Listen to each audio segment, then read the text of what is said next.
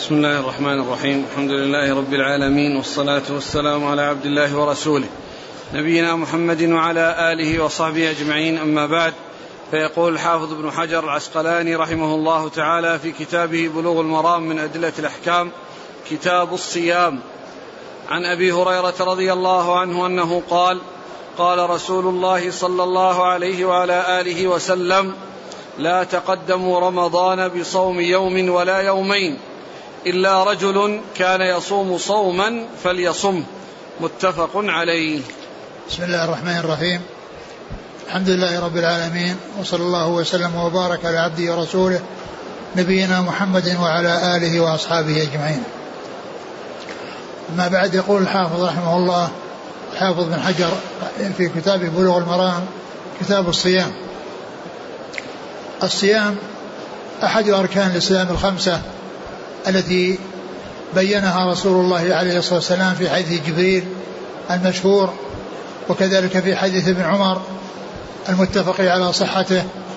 بني الإسلام على خمس شهادة أن لا إله إلا الله وأن محمد رسول الله وإقام الصلاة وإيتاء الزكاة وحج البيت وصوم رمضان. و وقد والصوم في اللغة الإمساك أي إمساك يقال له صوم؟ الإمساك عن الأكل والإمساك عن الكلام. كل إمساك يقال له صوم.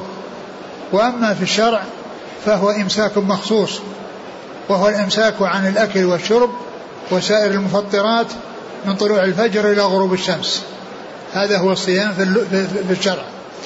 وإذا فهو من أفراد المعنى اللغوي وجزء من جزئيات المعنى اللغوي.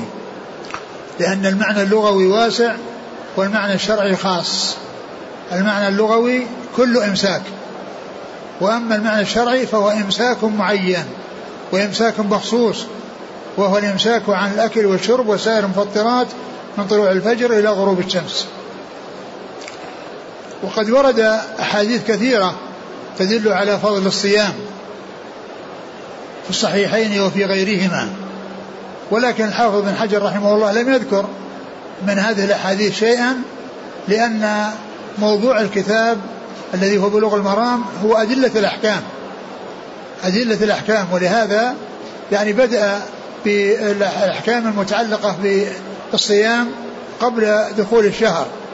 وفي في هذا الحديث عن أبي هريرة رضي الله عنه عن النبي عليه الصلاة والسلام أنه قال لا تتقدموا رمضان بيوم أو يومين إلا رجل كان يصوم صوما فليصم فهذا الحديث فيه النهي عن تقدم رمضان بصوم يوم أو يومين للاحتياط من أجل رمضان. أقول أخشى أن يكون من رمضان وأنا مفطر. الصيام لا بد فيه من نية من الليل. ولو أنه وافق أنه آه، صام ولكنه تبين في أثناء النهار أنه من رمضان فإن ذلك لا يفيده شيئا. لا يفيده شيئا. بل آه، يوم الثلاثين ليس من رمضان هو من شعبان إلا إذا رؤي الهلال في ليلة الثلاثين فعند ذلك يكون من رمضان. فعند ذلك يكون من رمضان. قال عليه الصلاة والسلام لا تتقدموا لا تقدموا أي لا تتقدموا. رمضان بيوم أو يومين. إلا رجل كان يصوم صوما فليصم.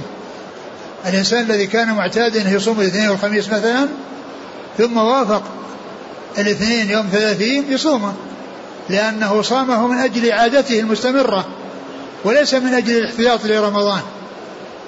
ولهذا بين عليه الصلاة والسلام في هذا الحديث أن نهى رسول الله عليه الصلاة والسلام عن التقدم بصوم يوم يومين وأنه إذا و و وأنه وأنه إذا كان إنسان له عادة مستمرة فإنه يصومه ولا بأس بذلك لأنه صام لعادته المستمرة لا من أجل الاحتياط لرمضان ومن أجل آه، التقدم في رمضان. فبين عليه الصلاة والسلام يعني هذا النهي واستثنى من ذلك من يجوز له صيامه لأنه كان معتادا هذا الأمر. ثم هنا ذكر الرجل لا مفهوم له فكذلك النساء.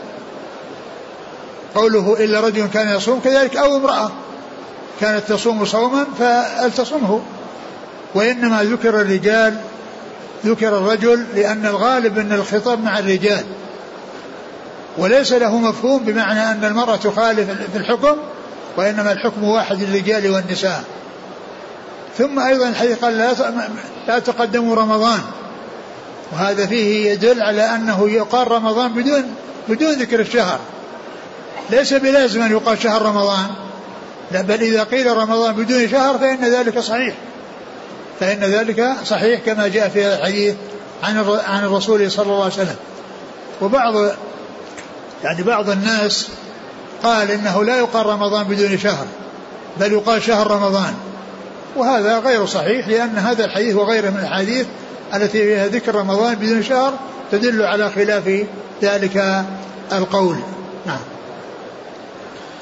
وعن عمار بن ياسر رضي الله عنهما أنه قال من صام اليوم الذي يشك فيه فقد عصى أبا القاسم. ذكره البخاري تعليقا ووصله الخمسة وصححه ابن خزيمة وابن حبان. ثم ذكر هذا الحديث عن عمار وهو بمعنى الحديث الذي قبله. أو هو نتيجة الحديث الذي قبله. أو مفهوم الحديث الذي قبله. لأن الحديث الذي قبله يقول لا تتقدموا رمضان. نهي. نهي من الرسول عليه الصلاة والسلام. وهذا الحديث يقول من صام الذي اليوم الذي يشك فيه فقد عصى أبا القاسم صلى الله عليه وسلم. فقد عصاه لأنه قال لا تتقدموا. والذي صام تقدم. فحصلت منه المعصية فإذا قوله من صام اليوم الذي يشك فيه فقد عصى أبا القاسم يعني أنه لم يمتثل قوله لا تتقدم رمضان. لا تتقدم رمضان لأن لا تتقدم النهي. والوقوع في مخالفة النهي معصية. كما أن ترك الأمر وعدم فعل الأمر معصية. فإذا قول, قول عمار من صام اليوم الذي يشك فيه فقد عصى أبا القاسم صلى الله عليه وسلم أي أن أنه لا يجوز لأن النبي عليه الصلاة والسلام نهى عن ذلك وفعل شيء نهى عنه الرسول عليه الصلاة والسلام معصية للرسول عليه الصلاة والسلام. ثم قال فقد عصى أبا القاسم. والمراد به النبي عليه الصلاة والسلام وهو كنيته أبو القاسم لأنه أكبر أولاده عليه الصلاة والسلام. و و ذكر الكنية وإضافتها إلى الإنسان هو من التكريم والإحترام والتوقير. يعني عندما يخاطب الإنسان يقول يا أبا فلان يعني ليس مثل ما يقول يا فلان لأن فيه توقير وفيه احترام. ولهذا يعني آه، يستعملها الرسول صلى الله عليه وسلم مع أصحابه وكذلك الصحابة يستعملونها فيما بينهم وهي من من من من من, من, النداء بما هو مرغوب وبما هو محبوب. وقد قال الحافظ بن حجر رحمه الله في بلوغ المرام في في فتح الباري قال ووصف الرسول صلى الله عليه وسلم ب يعني بكونه ابي القاسم أن هذا حسن ولكن وصفه بالرسالة أحسن. يعني بأن يقول رسول الله عليه السلام أحسن من أن يقال أبو القاسم وأبو القاسم حسن ولكن أحسن منه أن يقال رسول الله صلى الله عليه وسلم أن يقال رسول الله صلى الله عليه وسلم. نعم. وعن ابن عمر رضي الله عنهما أنه قال سمعت رسول الله صلى الله عليه وعلى آله وسلم يقول إذا رأيتموه فصوموا وإذا رأيتموه فأفطروا فإن غم عليكم فاقدروا له. متفق عليه. ولمسلم فإن أغمي عليكم فاقدروا له ثلاثين وللبخاري فأكملوا العدة ثلاثين وله في حديث أبي هريرة فأكملوا عدة شعبان ثلاثين. ثم ذكر هذا الحديث الذي فيه أن المعتبر بالصيام والإفطار وكذلك بالحج إنما هو رؤية الهلال وليس الحساب الذي يحتاج إلى الذي لا يعرفه إلا بعض الناس وإنما الله عز وجل أناط الأحكام في أمور ظاهرة يعرفها الخاص والعام يعرفها الحضري والبدوي لأن شيء مشاهد معاين ما أنيط الحكم بشيء فيه خفاء وفيه غموض ولا يعرفه إلا بعض الناس وإنما أنيط بأمور ظاهرة. ولهذا الأحكام الشرعية المتعلقة بالعبادات يعني تتعلق بأمور ظاهرة فالصلوات في أمور ظاهرة. إذا طلع الفجر دخل وقت الفجر وإذا طلعت الشمس انتهى وقت الفجر. يعني طلوع الفجر معلوم وطلوع الشمس معلوم. وكذلك إذا حصل الزوال جاء وقت الظهر وإذا حصل الغروب جاء وقت المغرب. أنيط بأمور ظاهرة مشاهدة معاينة. يعرفها الإنسان في الحضر وفي السفر. يعرفها الإنسان وكذلك بالنسبة للصيام أنيط برؤية الهلال. وشهر رمضان هو ما بين الهلالين. ما بين هلال رمضان وهلال شوال.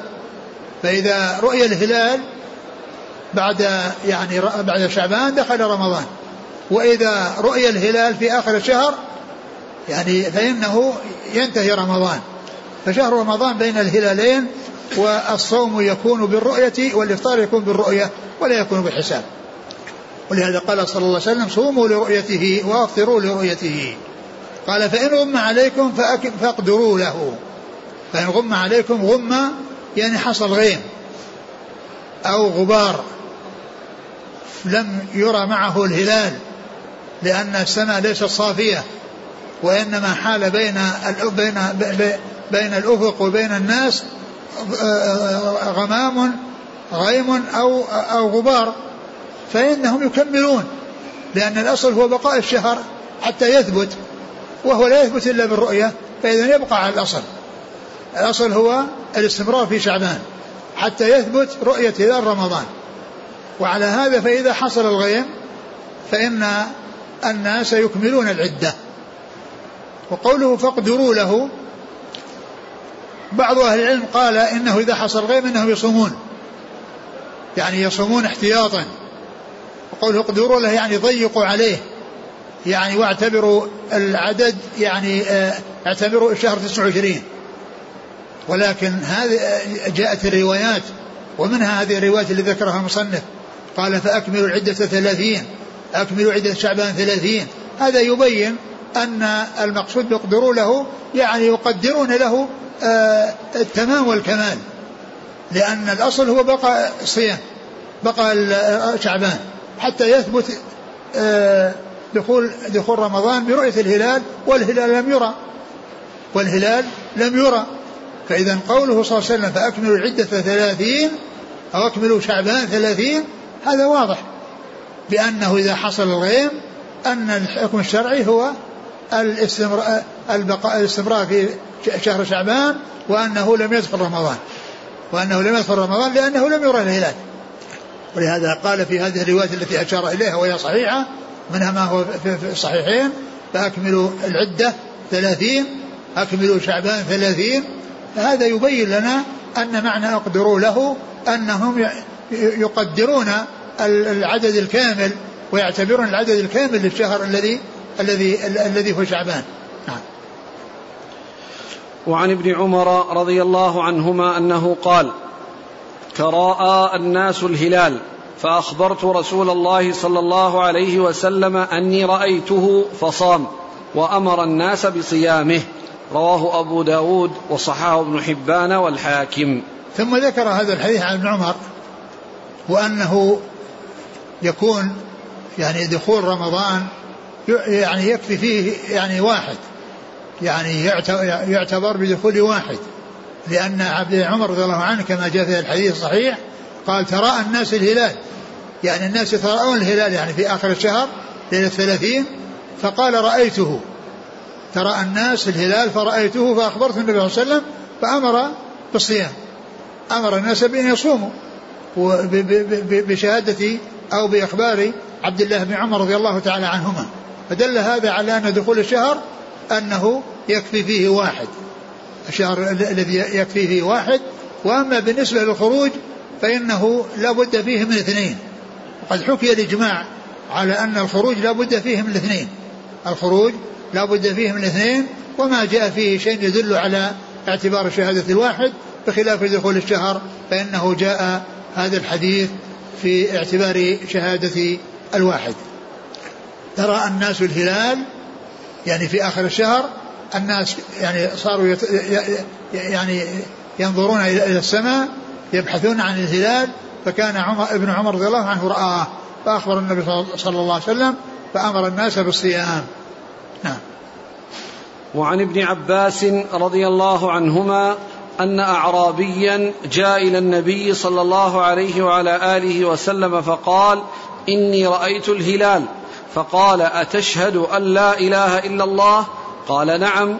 قال أتشهد أن محمدا رسول الله؟ قال نعم. قال فأذن في الناس يا بلال أن يصوموا غدا. رواه الخمسة وصححه ابن خزيمة وابن حبان ورجح النسائي إرساله. ثم ذكر هذا الحديث الذي هو عن ابن عباس رضي الله عنه وعنهما وهو بمعنى حديث ابن عمر. بمعنى حديث ابن عمر. إلا أن الأول المخبر والذي رآه ابن عمر وأما هذا فهو رجل أعرابي غير معروف. وذاك الحديث صحيح وأما هذا الحديث في إسناده ضعف ولكنه بمعنى الحديث السابق. لو لم يكن فيه إلا هذا الحديث ما اعتبر. ولكن حديث ابن عمر هو العمدة وهذا هو بمعناه. وفي إسناده ضعف هذا الذي هو حديث ابن عمر حديث ابن عباس. ولكنه بمعنى حديث ابن عمر وهو دال على اعتبار آه، آه، الشاهد الواحد والمعول عليه حديث ابن عمر وهذا من شواهده. نعم. وعن حفصة أم المؤمنين رضي الله عنها عن النبي صلى الله عليه وعلى آله وسلم أنه قال من لم يبيت الصيام قبل الفجر فلا صيام له رواه الخمسة ومال الترمذي والنسائي إلى ترجيح وقفه وصححه مرفوعا ابن خزيمة وابن حبان وللدار قطني لا صيام لمن لم يفرضه من الليل. ثم ذكر هذا الحديث عن حفصة رضي الله تعالى عنها على أن صيام الشهر صيام الفرض لا بد فيه من نية من الليل حتى يكون الإنسان مستوعب النهار من أوله. مستوعب النهار من أوله يعني من طلوع الفجر فيكون مبيت النية من الليل من حين يبدأ الصيام وقد نوى. وذلك أن أن آه أن الفرض لا بد فيه من آه يعني معرفة آه من الدخول في الصيام في الصوم من أول النهار. يعني بأن يكون هناك فيه جزء من الليل حصلت فيه النية. من لم يبيته. هذا في الفرض. وأما بالنفل بالنسبة للنفل فإن الإنسان يمكن أن يصوم من أثناء النهار إذا أصبح يعني غير آكل لشيء ثم أراد أن يصوم فإنه ينوي ويواصل. وقد جاءت السنة بذلك عن رسول الله عليه الصلاة والسلام. فلا تشترط له النية من الليل. اللي هو صيام النفل. وأما صيام الفرض كصيام رمضان أو صيام القضاء رمضان أو صيام الكفارات أو صيام النذور التي هي أمور واجبة سواء أوجب مما أوجبه الله عز وجل كصيام رمضان وقضائه أو مما أوجبه الإنسان على نفسه كالنذر فإن ذلك لا بد فيه من تبييت النية حتى يكون النهار كله مستوعبا بالصيام وبنية الصيام. من لم يبيت الصوم من الليل فلا صيام له. يعني لا يعتبر صومه صحيحا. وذلك أن أن الناس لو لو لم يبلغهم الخبر في دخول رمضان إلا في النهار فإنهم يمسكون ولكنهم يقضون ذلك اليوم. يمسكون فلا يأكلون في يوم هو من رمضان بعد أن علموا أنه من رمضان ولكنهم عليهم القضاء لأنهم ما بيتوا النية من الليل. والمقصود بنية من تثبيت النية أن ثبت بأن رمضان دخل هذه الليلة قبل طلوع الفجر فأمسكوا يعني آه بعد أن بيتوا النية في, في, في الليل وفي جزء من الليل.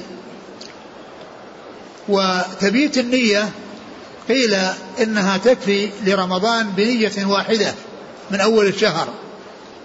هي واحدة من أول الشهر. وبعض أهل العلم قال إنه لابد من التبييت لكل يوم ب ب ب لكل يوم نيته من الليل لكل يوم. ولكن الصحيح أن الإنسان إذا نوى دخول الشهر عند دخول الشهر أنه صائم رمضان كله فإن ذلك كافي. ومن فوائد ذلك لو أن إنسانا نام بعد صلاة العصر ولم يستيقظ إلا بعد طلوع الفجر من اليوم الثاني فإنه يصوم صوم صحيح. أما على القول بأنه لابد فإنه ذهب ذلك النوم الليل وهو نائم. ولكن الصحيح أنه يكفي به نية واحدة من أول الشهر والناس عند دخول الشهر صائمون عازمون على صيامه من أوله وناوون ناوون صيامه بأكمله فيكون آه، آه، تبيت النية أو حصول النية أنها كافية من أول شهر ولا يلزم أن تكون في آه، كل ليلة. يعني نعم الإنسان يتسحر ليصوم ولكن لو أن الإنسان نام بعد العصر ولم يستيقظ إلا من النهار من بكرة فإنه لا يقال أنه لم يبيت النية من الليل لأنه كان نايم فإذا لا صيام له بل يواصل ويصوم وقد بيت النية من أول الأمر. نعم. وأما بالنسبة لصيام النفل فقد جاء ما يدل على أنه يجوز بنية من النهار قبل الزوال أو بعده. نعم. وعن عائشة رضي الله عنها أنها قالت دخل علي النبي صلى الله عليه وعلى آله وسلم ذات يوم فقال هل عندكم شيء؟ قلنا لا. قال فإني إذا صائم. ثم أتانا يوما آخر فقلنا أهدي لنا حيس. فقال أرنيه. فلقد, فلقد أصبحت صائما فأكل. رواه مسلم. وهذا الحديث يدل على أن تبييت النية للصيام النفل ليس بلازم كالفرض. وذلك أن النبي عليه الصلاة والسلام جاء إليهم ويعني آه قال يعني إن آه قال هل عندكم شيء؟ قالوا ليس عندنا شيء فقال إني صائم. يعني أنه صام. وذلك لأنه أصبح غير آكل لشيء. أما لو أكل شيئا بعد طلوع الفجر فلا يمكن فلا يعتبر يقال له صايم لأنه قد آه، أكل في النهار. لكن إذا كان طلع الفجر وهو لم يأكل شيئا ثم أراد أن يصوم فله أن يصوم. فله أن يصوم. و يعني له له أن يصوم. وأما إذا أكل بعد طلوع الفجر فلا فلا فلا يمكن أن يصوم لأنه قد أكل. من أكل يعني في في أول النهار وأراد أن يصوم في أثنائه ليس له ذلك وإنما الصيام يكون لمن لم يأكل شيئا من أول النهار وأراد أن يصوم فله أن يصوم بنية من النهار في سواء قبل الزوال أو بعد الزوال. وكذلك الحديث جزء الحديث الآخر أنه جاء إليهم وقد كان صائما فقيل إنه أهدي له حيز لهم حيز يعني فقال أرنيه ثم أكل فهذا يدل على أن الإنسان الصائم له أن يفطر إذا أراد وأنه لا يلزم الاستمرار في الصيام ولكنه أحسن. كونه يستمر في الصيام أحسن ولكنه ليس بلازم. بخلاف الحج الحج والعمرة الإنسان إذا دخل في النفل لازم يتمه. وهذا ليس مثل الصيام. ففرق بين الصيام والحج إذا دخل الإنسان في النسك عليه أن يتمه ولو كان نفلا. وأما إذا دخل في الصيام متنفلا فله أن يتم وله ألا يتم. نعم. وعن سهل بن سعد رضي الله عنهما أن رسول الله صلى الله عليه وعلى آله وسلم قال لا يزال الناس بخير ما عجلوا الفطر. متفق عليه. وللترمذي من حديث أبي هريرة رضي الله عنه عن النبي صلى الله عليه وسلم أنه قال قال الله عز وجل أحب عبادي إلي أعجلهم فطرا. ثم ذكر ما يتعلق بالصيام وأن الإنسان آه، يصوم من آه، من طلوع الفجر إلى غروب الشمس. ولكن كون الإنسان يتقيد بما جاءت به السنة بالصوم والإفطار أو أنه في الصوم عندما عندما يريد أن يصوم يتسحر لأن السحور فيه بركة لأن فيه تقوية للجسم. وكونه يعني يقوى على العبادات ويقوى على الأعمال التي يحتاج إليها في أمور دنياه فالسحور فيه بركة لأن من بركاته تقوية الجسم وحصول النشاط بخلاف ما إذا صام غير متسحر فإنه يحصل له كسل ويحصل له خمول وقد يقصر في بعض العبادات ولكنه إذا حصل منه السحور حصل من بركة هذا السحور النشاط والقوة والقدرة على الاتيان بالعبادات الأخرى. وكذلك على الاتيان بالصيام بنشاط وعدم كسل وخمول. وكذلك بالنسبة للإفطار يعجل الإفطار لا يؤخره فلا يزيد يعني في, في فيه من أول الليل ولا يؤخر فيه في آخر النهار وإنما يعني يؤخر السحور ويعجل الفطر. هذه سنة الرسول عليه الصلاة والسلام. فالأخذ بها فيه الخير وفيه البركة وفيه عدم التكلف والتنطع الذي يزيد بعد الغروب أو يقول أنا لا أريد لا لا أكتفي بطلوع الفجر لازم أضيف لي شيئا قبله هذا من التكلف. وإنما السنة أن الإنسان يؤخر أنه يكون سحوره في آخر الليل وبحيث آه، يعني يكون في آخر السحر وكذلك يعني يكون إفطاره في أول في أول الليل عندما تغرب الشمس ويتحقق غروبها كما ثبتت ذلك السنة عن رسول الله عليه الصلاة والسلام. قال لا يزال الحديث الأول قال نعم. تسحروا فإن في السحور بركة. الأول لا يزال الناس بخير ما عجلوا الفطر. نعم. نعم. لا يزال الناس بخير ما عجلوا الفطر. يعني تعجيل الفطر بعد غروب الشمس وبعد تحقق غروب الشمس هذا هو المطلوب. ولا يؤخر الإنسان لأن هذا في مخالفة. لسنة الرسول. وأيضا آه، فيه موافقة لأهل الكتاب. ولهذا الفرق بين يعني أهل المسلمين وأهل الكتاب يعني أكل السحور وكذلك أيضا عدم تأخير الإفطار. نعم. وللترمذي من حديث أبي هريرة قال الله عز وجل أحب عبادي إلي أعجلهم فطرا. وهذا يدل على تفضيل يعني آه، آه، تعجيل تفضيل تعجيل الافطار وأن هذا من مما هو أحب إلى الله عز وجل لأنه هو الموافق. الموافق لما جاء به لما جاء به الوحي وبما جاءت به الشريعة. والشريعة جاءت بتعجيل الافطار. فالأحب إلى الله هو الذي يمتثل ما أمر به وما أرشد إليه هذا هو الأحب إلى الله. وفيه إثبات صفة المحبة لله عز وجل وأنها تتفاوت وأن الناس متفاوتون فيها. فمنهم من يكون أحب ومنهم من يكون دونه. نعم.